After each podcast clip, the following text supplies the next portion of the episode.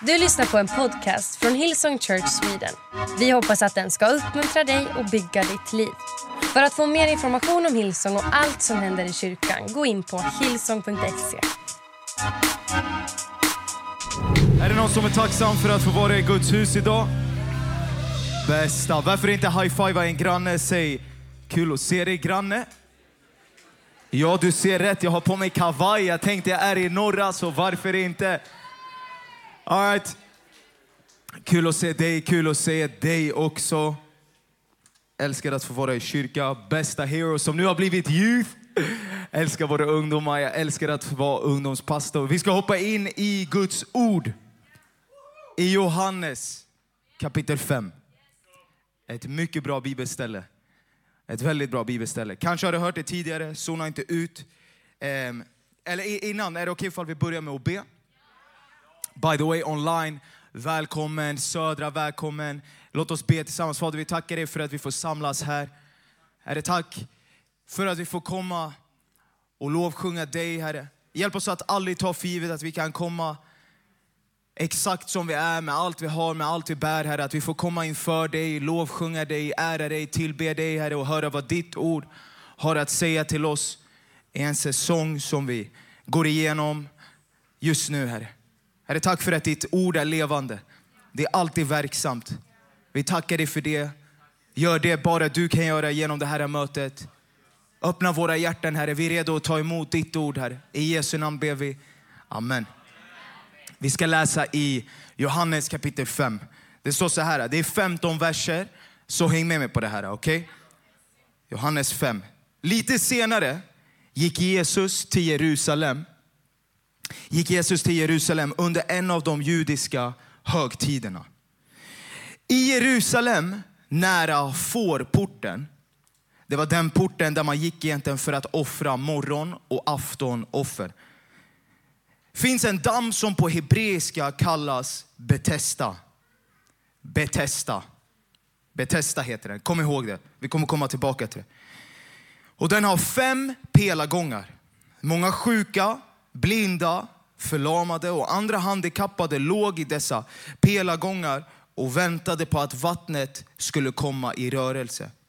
En Herrens ängel steg nämligen steg ner eh, då och då i dammen och rörde om vattnet. Och den första som steg ner i vattnet sedan det blivit omrört blev frisk. Vilken sjukdom han än hade. En av dem som låg där var en man som hade varit förlamad i 38 år. När Jesus såg honom ligga där och fick veta att han hade varit sjuk så länge frågade han honom, vill du bli frisk? Vill du bli frisk? Herre, svarade mannen, jag har ingen som hjälper mig ner i dammen när vattnet kommer i rörelse. Medan jag fortfarande är på väg hinner någon annan dit före mig. Och då sa Jesus, res dig upp, ta din bädd och gå. Och genast blev mannen frisk. Och han tog sin bädd och gick iväg. Men detta hände på sabbaten. Detta hände på sabbaten. Och judarna sa till mannen som hade blivit botad, det är sabbat, du får inte bära din bädd och gå. Men mannen svarade, han som gjorde mig frisk sa till mig att ta min bädd och gå. Då frågade de honom, lägg märke till det här, vem sa till dig att du skulle ta den och gå? Men mannen visste inte det. För Jesus hade försvunnit därifrån eftersom det var så mycket folk. Senare fann Jesus mannen i templet och sa till honom, nu är du frisk. Synda inte mer så att det inte händer dig något värre. Och den sista versen. Då gick mannen och talade om för judarna att det var Jesus som hade gjort honom frisk. Så bara en snabb recap. Vi läser om en plats som heter Betesda. Betesda är en plats dit Herrens ängel kommer då och då och rör vid vattnet så att den som kommer i kontakt med vattnet blir helad. Och där ligger en man som har varit sjuk i 38 år. Han har varit förlamad i 38 år. Jesus frågar honom, vill du bli frisk? Men vad är mannens respons? Mannen säger inte ja, jag vill bli frisk. Utan vad som händer är att mannen först kommer med ursäkter och säger varför han inte kan bli frisk. Nya levande bibeln säger att hans svar är det är omöjligt Herre. Och jag tänker bara paus där, det är en passus egentligen. Men så ofta så står Jesus framför oss och han frågar, vill du bli frisk? Vad behöver du? Vad längtar du efter? Och vår respons är, det är omöjligt. Det går inte Gud. Läkaren har sagt det här eller det där skedde, jag gick igenom det där och vi kommer på massa ursäkter till varför det inte ska fungera. När Jesus stod framför oss. Mannen hade varit sjuk i 38 år. Den här platsen, Betesda, vad vi behöver förstå var att det var en plats dit människor kom för att få sitt helande. De som hade försökt gå till läkare, till templet, till olika platser, men inte fått det de behövde, de vände sig till Betesda. Så vad vi behöver förstå är att Betesda var inte en plats som var ren. Det var en stökig plats. Men vad jag älskar med det hela är att i det stökiga, i det smutsiga, vem hittar vi där?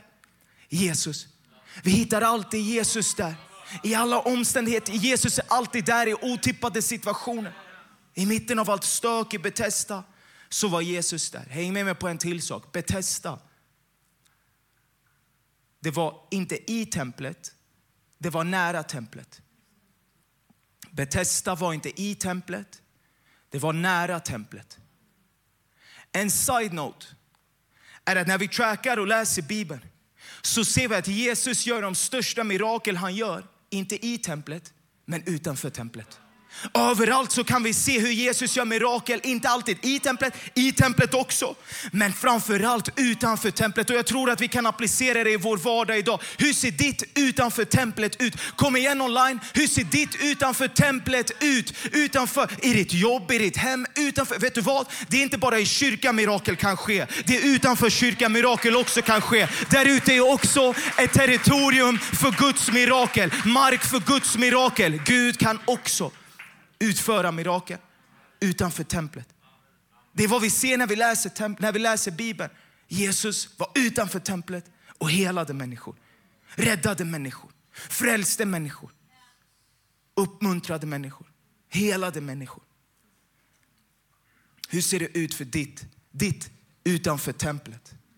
Jag hoppas att du förstår vad jag menar. Ditt utanför templet. Hur ser det ut i din vardag? Vi kommer till kyrkan och vi gör vad man gör i kyrkan och det är bra. Men glöm aldrig bort att det här, det här är jättebra. Men det finns också en värld där ute som behöver dig. Betesta, vad det betyder ordagrant. Betesta, det här är fascinerande, det här kommer hjälpa någon. Betesta betyder ordagrant ett hus av nåd. Betesta betyder ett hus av nåd. Och jag tycker att det är så briljant. Eller det är så fantastiskt, det är fascinerande att Betesda är ett hus av nåd. Mannen var där och han hade varit där i 38 år och han hade inte fått sitt helande. Men här är grejen, han var fortfarande inom räckvidden av ett hus av Guds nåd. Och så länge han stod kvar inom räckvidden av Guds nåd så var miraklet eventuellt på väg. Och jag vill meddela dig här idag, norra eller online eller södra, vart du än är, lyssna på mig. Så länge du är kvar inom räckvidden av Guds nåd så kommer miraklet eventuellt att komma. Du kanske har väntat i 30 år år, du kanske har väntat i månader. Jag vill meddela dig, så länge du står kvar inom räckvidden av Guds nåd så kommer miraklet eventuellt att dyka upp. Han faller inte. Mannen var kvar där i 38 år gång efter gång och han säger de andra hinner före mig. Men han står kvar. Min titel är inom räckvidd. För mitt och ditt ansvar är att alltid vara inom räckvidd. Vet du vad? Ibland, det här kanske är utmanande, men jag blev påmind om det här. Ibland handlar det inte ens om tro. Vår tro handlar inte ens alltid om tro. Jag ska förklara vad jag menar. Ibland så trumfar lydnad tro. Om vi bara ska komma till kyrkan eller be för människor eller göra det Gud har sagt att vi ska göra när vi har tro för det, då kommer vi inte vara kvar inom räckvidden av Guds nåd. Eller vara kvar inom räckvidden av ett hus av Guds nåd. Ibland så kommer det inte till tro. Ibland så kommer det till lydnad. Där vi väljer att stå kvar vid Guds löften och säga Gud om du har sagt att jag ska ta mig till kyrkan, då kommer jag ta mig till kyrkan. Gud om du har sagt att mina söner och döttrar en dag ska hitta hem igen, då kommer de att göra det. Gud jag har inte alltid tro för det, men jag väljer att stå kvar för jag tror på dina löften. Jag står kvar och jag lyder dig Herre, jag känner inte för det, men jag kommer att göra det. Ibland så trumfar lydnad tro. Vår tro är inte bara en trosbaserad tro. Det här är en tro som handlar ibland om att lyda även när vi inte tror eller ser hur det ska lösa sig. Huset av nåd. Ett hus av nåd. Du kanske undrar, vad har jag här? Jag vet inte om du såg den. Jag har en blöja här. En blöja. En blöja. Och jag tänkte på det här, eh, på tal om ett hus av nåd. Att ibland så... Du kanske undrar vart jag är på väg. Jag kommer till det. Online, jag vet, det är en blöja. Ni ser det.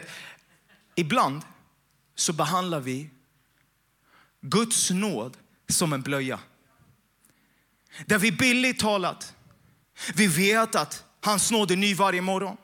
Vi vet att han tvår oss vit som snö. Vi vet att han förlåter våra synder. Och vi behandlar och beter oss som att Guds nåd är en blöja. Där vi andligt talat smutsar ner. Och så säger vi, och vår respons är, ja men jag vet, Guds nåd är ny varje morgon. Och vi börjar ta hans nåd för givet. Vad är Guds nåd för dig?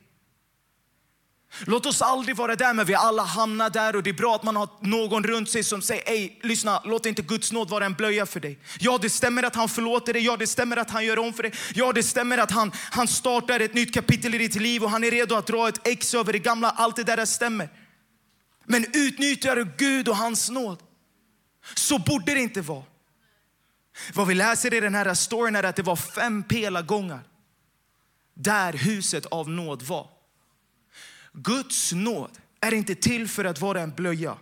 Vad den istället är till för är att vara ett paraply där det finns gränser, det finns, det finns pelagångar, det finns ett område, det finns principer och gränser som vi behöver hålla oss till. Och vi vet att när vi håller oss till dem, då är vi inom räckvidden av Guds nåd. Och man kan säga varför, jag vill inte vara begränsad. Jag visste att det var så där med kristenhet, jag visste att det bara försökte säga vad jag inte skulle göra. Men lyssna, det är inte till för att begränsa dig, det är till för att sätta dig fri och hjälpa dig. Vad är Guds nåd i ditt liv? Är det en blöja som du utnyttjar eller är det ett paraply där du säger Gud jag kommer stå under det och jag vet, jag vet att du eventuellt kommer att dyka upp och när regnet kommer då vet jag att paraplyt och din nåd är över mig och beskyddar mig. Jag vet att jag vilar under dina vingars skugga. Vad betyder och vad är Guds nåd i ditt liv? Vad är Guds nåd i ditt liv? Det är så ofta man tar det för givet. Ta Guds nåd för givet. Vad är Guds nåd för dig?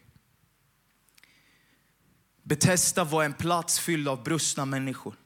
Huset av nåd. För mig så låter det som någonting. Det låter som kyrka. Ett hus av nåd. Vi kan spela kyrkspel och vi kan säga att kyrka är en plats för perfekta människor. Eller så kommer vi fram till slutsatsen att kyrka faktiskt är en plats för brustna människor. Det var någon som sa en otrolig grej, ett citat. Han sa, kyrka är inte ett museum dit man går och tittar på eller åskådar. Kyrka är inte ett museum. Kyrka är ett sjukhus för brustna människor. Ett hus av nåd. Det är inte en plats där det alltid är perfekt. Det är inte en plats där alla pusselbitar alltid är på plats. Det är inte en plats där vi alltid vet hur det ska se ut. Det behöver vara lite stökigt. Det behöver vara lite kaotiskt. Kyrka är ett plats en plats av nåd.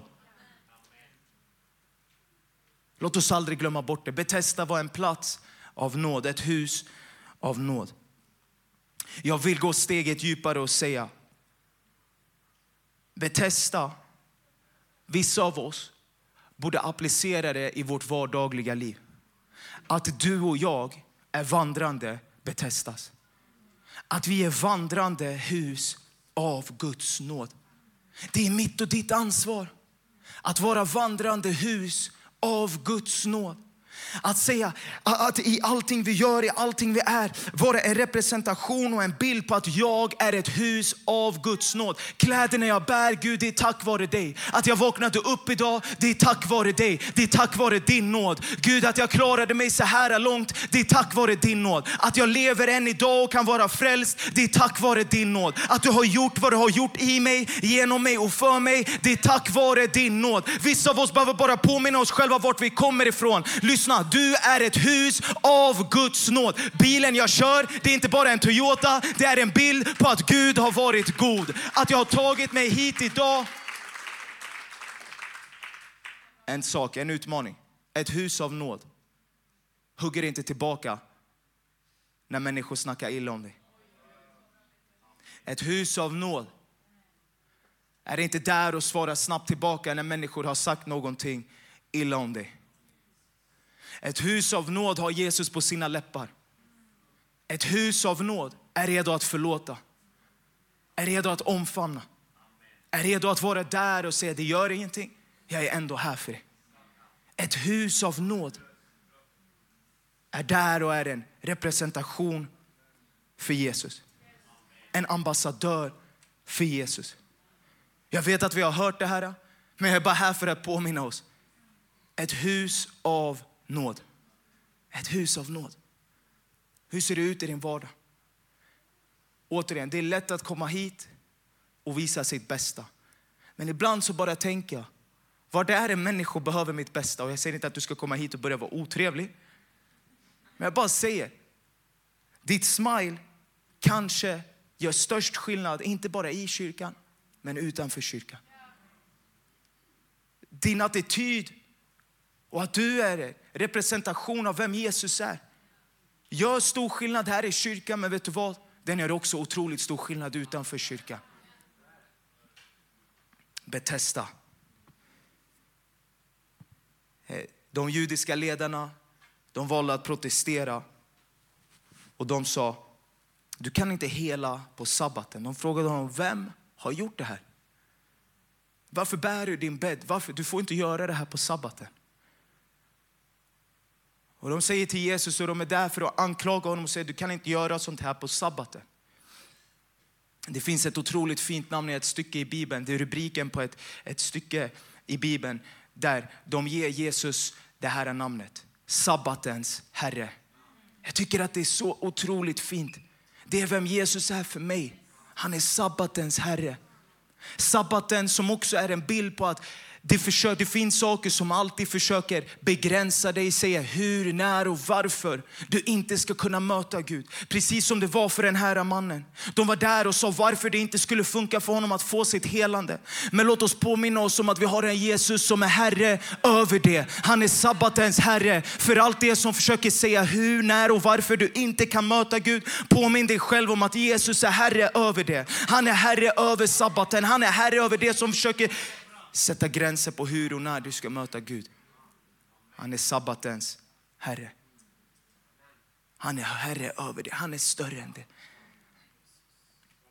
Jag älskar att han var där. Jesus var alltid där för att skapa kaos. Han var alltid där för att skapa kaos. Det är därför, vårt, det är därför vår, vår, vårt, vårt budskap kallas vad då? Det upp och nervända riket.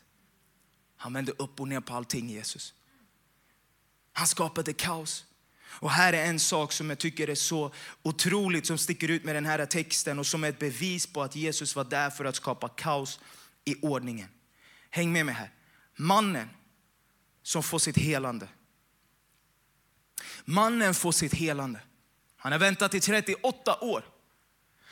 De frågar honom, de judiska ledarna frågar honom. Vem var det som helade dig? Han visste inte vem det var som helade honom. Han sa, jag vet inte vem det var som helade mig. De frågar honom, och det är det första. Nummer ett, han visste inte ens vem Jesus var. Det andra är, när Jesus kommer fram och frågar honom, vill du bli frisk? Så kommer han med ursäkter. Han säger, det går inte. Så nummer ett, han visste inte ens vem Jesus var. Nummer två, han hade inte ens tro för att miraklet skulle ske.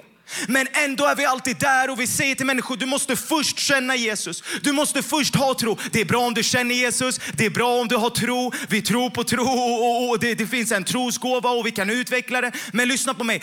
Jag tror att Jesus var här i mitten av den här omständigheten för att visa det är okej okay att du inte alltid har tro. Det är okej okay om du inte alltid förstår varför. Så länge du är kvar inom räckvidden av min nåd så kommer miraklet eventuellt att dyka upp. Det är okej okay om du viker av ibland. Det är okej okay om du inte alltid har tro. Det är okej okay om du inte alltid förstår allting. Det är okej okay om du inte har alla pusselbitar på plats. Men så länge du är kvar inom räckvidden av min nåd så kommer miraklet eventuellt att dyka upp. Mannen visste inte ens vem Jesus var. Ändå så kommer vi alltid och säger det måste se ut så här. Han måste veta vem Jesus är. Om du vill se mirakel i ditt liv, då måste du ha lite tro. Ja, det stämmer. Men vet du vad? Det stämmer också inte alltid. För så länge Jesus är i rummet så är han där i otippade situationer och han är Herre. Han är den som frälser. Han är den som sätter fri. Det spelar ingen roll vad sabbaten säger. Det spelar ingen roll vad människor säger för så länge han är i rummet så skapar han kaos i ordningen. Jag älskar vår Jesus. Att han alltid är där för att visa människor. Jag är större än er sabbat. Jag är större än er ordning. Jag är större än allt det. Jag har det namnet som är över alla andra namn. Johannes 7.27 säger, om någon är törstig så kom till mig, kom till mig och drick. Matteus säger, om du vill ha vila så kom till mig. Kom, var under räckvidden av min nåd och du ska få vad du behöver. Genom hela Johannes så kan vi se otroliga mirakel och under som Jesus gör. Genom hela Johannes. Och i slutet av Johannes så finns det en fantastisk vers. Det sista, efter att vi kan se att han har radat upp mirakel efter mirakel och vi ser allting som Johannes skriver och, och allting som är skrivet i Johannes bok som är så otroligt fascinerande om Jesus. Och så står det så här i Johannes 21, vers 24 till 25. Johannes 21, 24 till 25, två verser. Det är den lärjungen som vittnar om allt detta och har skrivit ner det. Vi vet att hans vittnesbörd är sant. Jesus gjorde också mycket annat. Om man skulle skriva ner alla dessa händelser tror jag inte att hela världen skulle rymma alla de böcker man då måste skriva. Det är otroligt. Jesus gjorde också mycket annat. Om man skulle skriva ner alla de här händelserna tror jag inte att hela världen skulle rymma alla de böcker man då måste skriva. Jesus gjorde mycket annat. Johannes säger, det här är bara en liten glimt av vad ni kan hantera. Jag vill säga till dig, du som är här inne och har varit kristen och troende länge.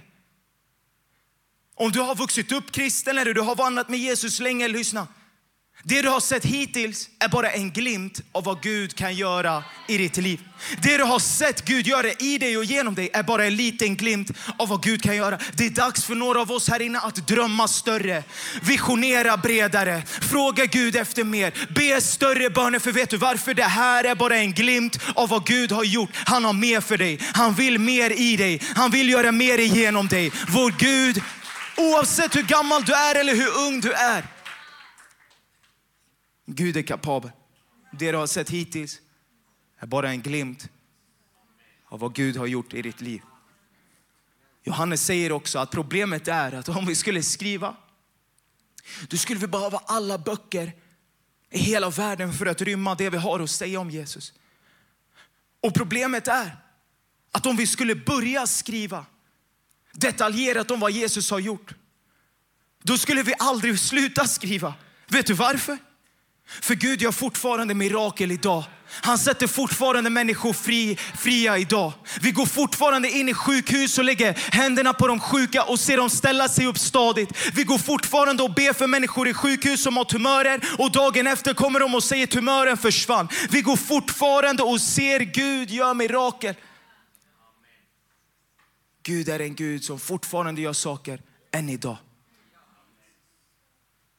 Jag är tacksam för Guds nåd.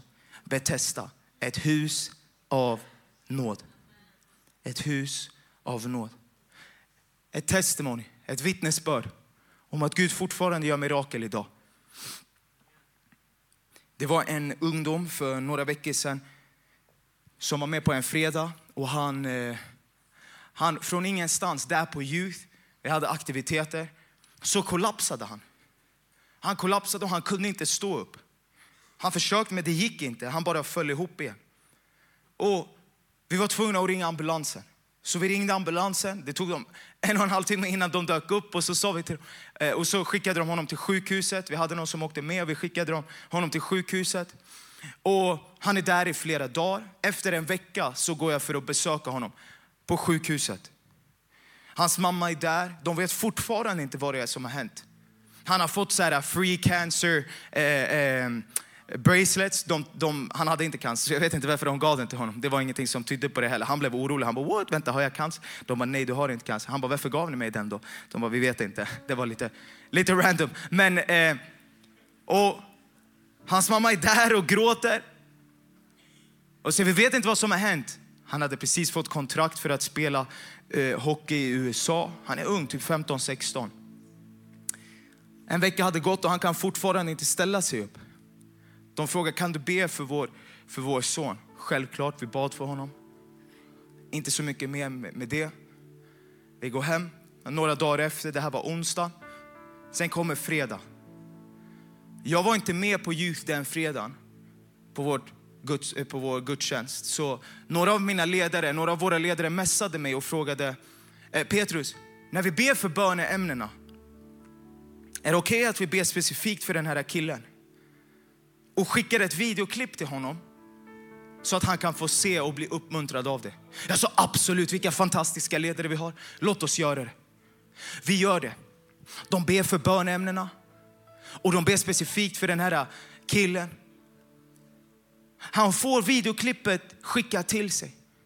Och lyssna på mig.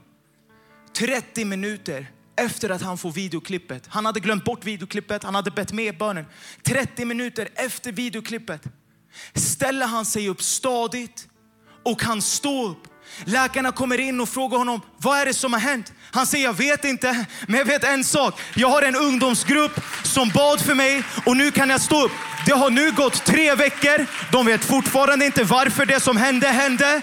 Men han säger, jag vet att jag har blivit satt fri och det stämmer. Gud är fortfarande en Gud som gör mirakel. Hans räckvidd var att han fick ett videoklipp skickat till sig och ibland så räcker det. Gud är fortfarande en Gud som gör mirakel.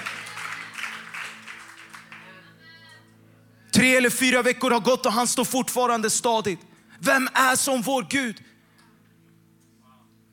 Kanske är det så att du precis har kommit ut ur Miracle May och du stod i tro för någonting och du har inte sett det ske. Tappa inte hoppet. Ge inte upp. Stanna bara kvar, för så länge du är kvar inom räckvidden av Guds nåd så kommer miraklet eventuellt att komma.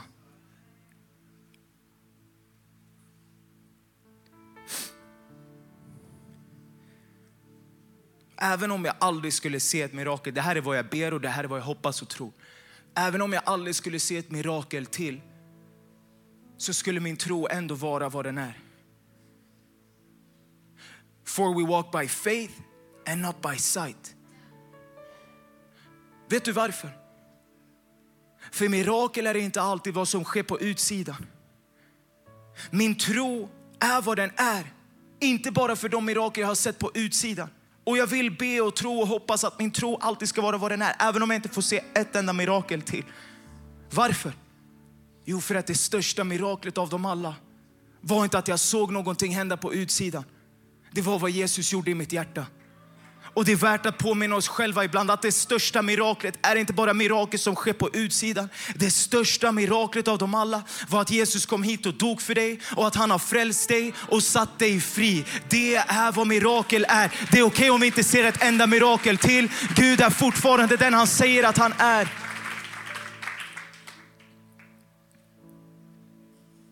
Jag var inte inom räckvidd för att jag tog mig till honom. Worship-teamet kan komma upp. Jag var inte inom räckvidd för att jag tog mig till honom. Jag var inte inom räckvidd för, att jag, för vad jag hade gjort. Jag var inom räckvidd för, vad han valde, för att han valde att komma till mig och möta mig. Religion kommer alltid säga vad jag behöver göra för att vara inom räckvidd. Men Jesus påminner mig om vad han har gjort för att vara inom min räckvidd. Religion kommer alltid peka med skam och säga att du inte är inom räckvidd. Men Jesus böjer sig ner och ritar i sanden framför dem som ska stena dig för att påminna dig att han är inom din räckvidd. Religion kommer alltid ge dig anledningar till att inte vara inom räckvidd. Men Jesus möter dig där du är förlamad. Religion kommer alltid börja med synden så att du sen kan ta dig inom räckvidd. Men Jesus börjar oftast med helandet för att ha dig inom räckvidd. Religion säger att det är sabbat och därför får det inte vara inom räckvidd. Men Jesus är sabbatens herre och därför är han alltid inom räckvidd. Religion påminner dig om din synd och dina misstag när du rör dig mot räckvidden. Men Jesus uppmuntrar dig och talar ut hans löften när han möter dig inom räckvidden. Lyssna, religion säger att räckvidden är prestationsbaserad. Jesus visade att räckvidden var blodsbaserad. Jag säger det igen. Religion säger att räckvidden är prestationsbaserad, men Jesus visade att räckvidden var blodsbaserad. Apostlagärningarna 17 och 27. Den sista versen. Sen ska vi lovsjunga tillsammans och så ska jag komma upp och avsluta mötet. Det gjorde han för att människorna skulle söka Gud och kanske hitta vägen till honom. Jag älskar att det var ett kanske. Det ändrar allt. Det var inte en säkerhet att vi skulle lära känna honom när han kom hit och gav sitt liv. Och kanske hitta vägen till honom. Men han är inte långt borta från någon av oss. Punkt. Det är slutdiskuterat. Han är inte långt borta från någon av oss. Han är inte långt borta från någon av oss. Frågan är inte om han har gjort vad som krävs. Frågan är om du är redo att göra vad som krävs. Han är inom räckvidd. Vad är din respons? Han är här och kanske frågar dig nu, vill du bli frisk? Vad behöver du? Vad längtar du efter? Vad törstar du efter? Vad är din respons? Är vår respons att vi kommer med ursäkter och säger varför det inte ska gå? Om du är här och du talade till dig när jag sa att det här är bara en glimt av vad du har sett och du vill be om att göra mer, drömma större. Vad, vad hugger tag i ditt hjärta? Jesus frågar dig här och nu och frågar. Jag tror att han gör det till några av oss. Vill du bli frisk? Vad behöver du? Vad längtar du efter? Vad hungrar du efter? Och vad är din respons? Jag älskar med den här äh, storyn i Bibeln i Johannes kapitel 5. Några kapitel efter, i Johannes kapitel 9, så finns en annan sjuk man som också blir helad. Han är blind och han blir helad. Och båda de berättelserna och flera andra berättelser, nästan alla berättelser i Bibeln. Men just de här två, Johannes 5 och Johannes 9. De vet inte vem Jesus är, men får ändå sitt helande. Och deras respons när de har fått sitt helande för att de har varit nära Jesus. Deras direkta respons efter var att gå och berätta för människor. I Johannes kapitel 5 så berättar en man, han går tillbaka till de judiska ledarna och sa vem Jesus var. Johannes 9, mannen säger jag vet inte mycket men en sak vet jag, jag kan se. Förut var jag blind men nu kan jag se. Att vara inom räckvidd handlar inte om att vi är en kristen mysig grupp som alltid är kvar här och gör det vi gör och inför sommaren kanske det här är en utmaning till dig. Lyssna på mig. Att vara inom räckvidd handlar inte om att vi är här och gör det mysigt för oss. Att vara inom räckvidd, ja det är till för oss. Men vet du vad det också är till för? Det är till för människor där ute som fortfarande inte känner Jesus. När har du Jesus på dina läppar? Vårt ansvar är att vara inom räckvidden. Inte bara för vår skull, men för att vi vet att människor i vår närhet behöver hitta Jesus. Han gör fortfarande mirakel och han sätter fortfarande fri. Och mitt och ditt ansvar är att vara kvar inom räckvidden. Men inte bara för oss, utan för människor runt oss. Om det är okej okay så avslutar jag med en bön och sen ska worship-teamet leda oss i en lovsång. Fader, vi tackar dig för att du sänder din son Jesus. Tack Herre, för att vi kan stanna kvar inom räckvidden Herre. Jag ber för den just nu som känner att den inte orkar stanna kvar. Hur det än talar till dem Herre. Så ber jag att du ska ge dem kraft, styrka, passion Herre att stå kvar inom räckvidden inom de här fem pelargångarna under paraplyt Herre. Jag ber också för den som är här och har gjort den här resan med dig länge Jesus. Jag ber att du ska ge den kraft, vision Herre och styrka att kunna titta ännu längre fram. Fortsätta drömma, fortsätta hoppas, fortsätta lyfta sin blick. I namnet Jesus ber vi. Amen. Du har lyssnat till en podcast från Hillsong Church Sweden. Om du vill veta mer om vår kyrka eller om våra söndagsmöten surfa in på hillsong.se.